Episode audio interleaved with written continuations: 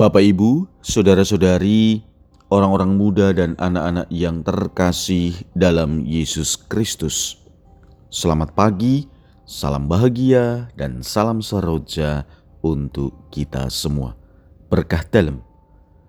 Bersama dengan saya, Romo Antonius Garbito Pamboaji, menyampaikan salam dan berkat Allah yang Maha Kuasa dalam nama Bapa dan Putra dan Roh Kudus. Amin.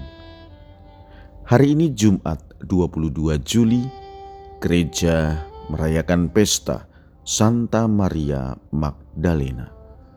Bacaan pertama dalam liturgi hari ini diambil dari Kidung Agung bab 3 ayat 1 sampai dengan 4a. Bacaan Injil diambil dari Injil Yohanes bab 20 ayat 1 dilanjutkan 11 sampai dengan 18. Pada hari Minggu Paskah, pagi-pagi benar, ketika hari masih gelap, pergilah Maria Magdalena ke kubur Yesus dan ia melihat bahwa batu telah diambil dari kubur. Maria berdiri dekat kubur itu dan menangis. Sambil menangis, ia menjenguk ke dalam kubur itu, dan tampaklah olehnya dua orang malaikat berpakaian putih, yang seorang duduk di sebelah kepala dan yang lain di sebelah kaki, di tempat mayat Yesus terbaring. Kata malaikat-malaikat itu kepadanya, "Ibu, mengapa engkau menangis?" Jawab Maria kepada mereka, "Tuhanku telah diambil orang, dan aku tidak tahu di mana ia diletakkan." Sesudah berkata demikian, Maria menoleh ke belakang dan melihat Yesus berdiri di situ tetapi ia tidak tahu bahwa itu adalah Yesus. Kata Yesus kepadanya, "Ibu, mengapa engkau menangis? Siapakah yang engkau cari?" Maria menyangka orang itu adalah penunggu taman. Maka ia berkata kepadanya, "Tuan, jikalau Tuan yang mengambil dia, katakanlah kepadaku di mana Tuan meletakkan dia, supaya aku dapat mengambilnya." Kata Yesus kepadanya, Maria. Maria berpaling dan berkata kepadanya dalam bahasa Ibrani, Rabuni, artinya guru. Kata Yesus kepadanya, janganlah engkau memegang aku, sebab aku belum pergi kepada Bapa. Tetapi pergilah kepada saudara-saudaraku dan katakanlah kepada mereka bahwa sekarang aku akan pergi kepada Bapakku dan Bapamu, kepada Allahku dan Allahmu.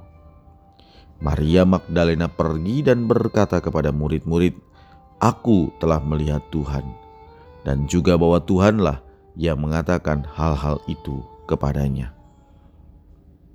Demikianlah sabda Tuhan. Terpujilah Kristus.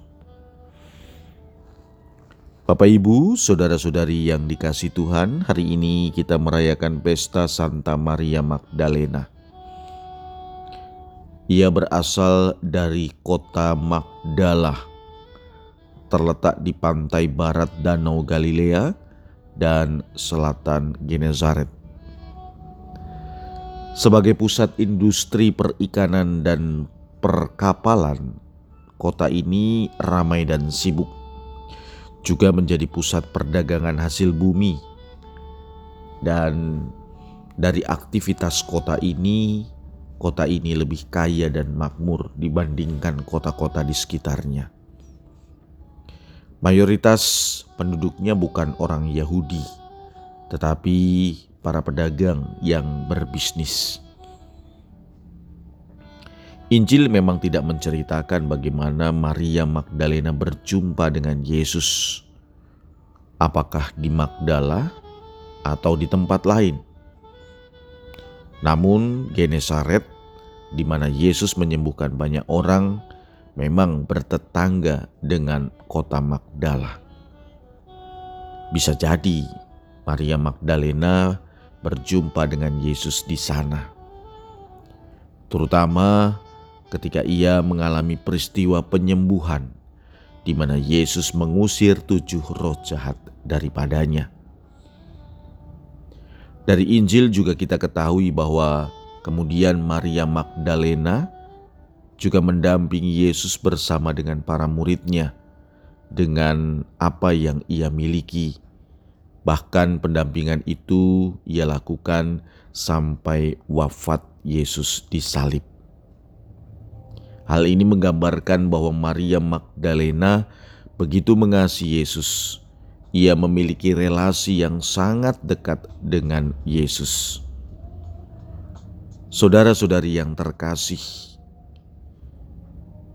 kalau hari ini kita mendengarkan dalam Injil bagaimana Maria Magdalena pergi ke makam Yesus pada hari Minggu Paskah.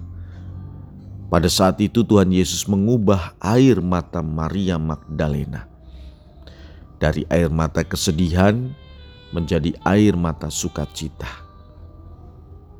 Dalam hal ini bisa juga dikatakan bahwa Maria Magdalena mengalami transformasi dari kesedihan menjadi kegembiraan rohani setelah melihat Tuhan yang bangkit. Dalam kisah kebangkitan Yesus, Injil hari ini mengisahkan bahwa Yesus menampakkan diri kepada Maria Magdalena dan Maria Magdalena menjadi saksi kebangkitan yang pertama. Kepada Yesus, Maria Magdalena begitu mencintai sehingga Yesus memberi kepercayaan dan tanggung jawab yang penting dan besar. Yesus meminta agar Maria menyampaikan pesan supaya para murid berangkat ke Galilea karena di sana mereka akan melihat Dia. Dan pesan kebangkitan ini pun disampaikan kepada perempuan yang telah bertobat dan diubah hidupnya oleh Tuhan. Perempuan yang dalam tatanan masyarakat pada saat itu tidak diperhitungkan. Namun kepada dia yang tidak diperhitungkan, justru Yesus mempercayakan dan memberi pesan kenabian. Maria menjadi saksi kebangkitan yang pertama. Pengalamannya kadangkala juga kita alami. Kita bisa jadi pernah hidup tidak baik. Lalu disapa Tuhan dan kita diberi kepercayaan Tuhan untuk misi tertentu. Ketika kita mengalami kesedihan dan kebingungan, hati kita menjadi gelap. Lalu, dalam perjalanan, Tuhan hadir dan menyapa kita secara istimewa. Saudara-saudari, kalau Anda pernah atau sedang diremehkan atau tidak diperhitungkan, Pesan Injil hari ini meneguhkan kita. Jangan berkecil hati. Kalau kita pernah mengalami masa lalu yang gelap dan tidak baik, Injil hari ini meneguhkan kita. Jangan takut. Tuhan bisa mengubah dan menuntun kita menjadi lebih baik. Bahkan kita bisa dilibatkan Tuhan dalam karyanya. Tetapi pertanyaannya, Bersediakah kita dilibatkan Tuhan untuk mengubah air mata dari kesedihan menjadi sukacita? Marilah kita berdoa.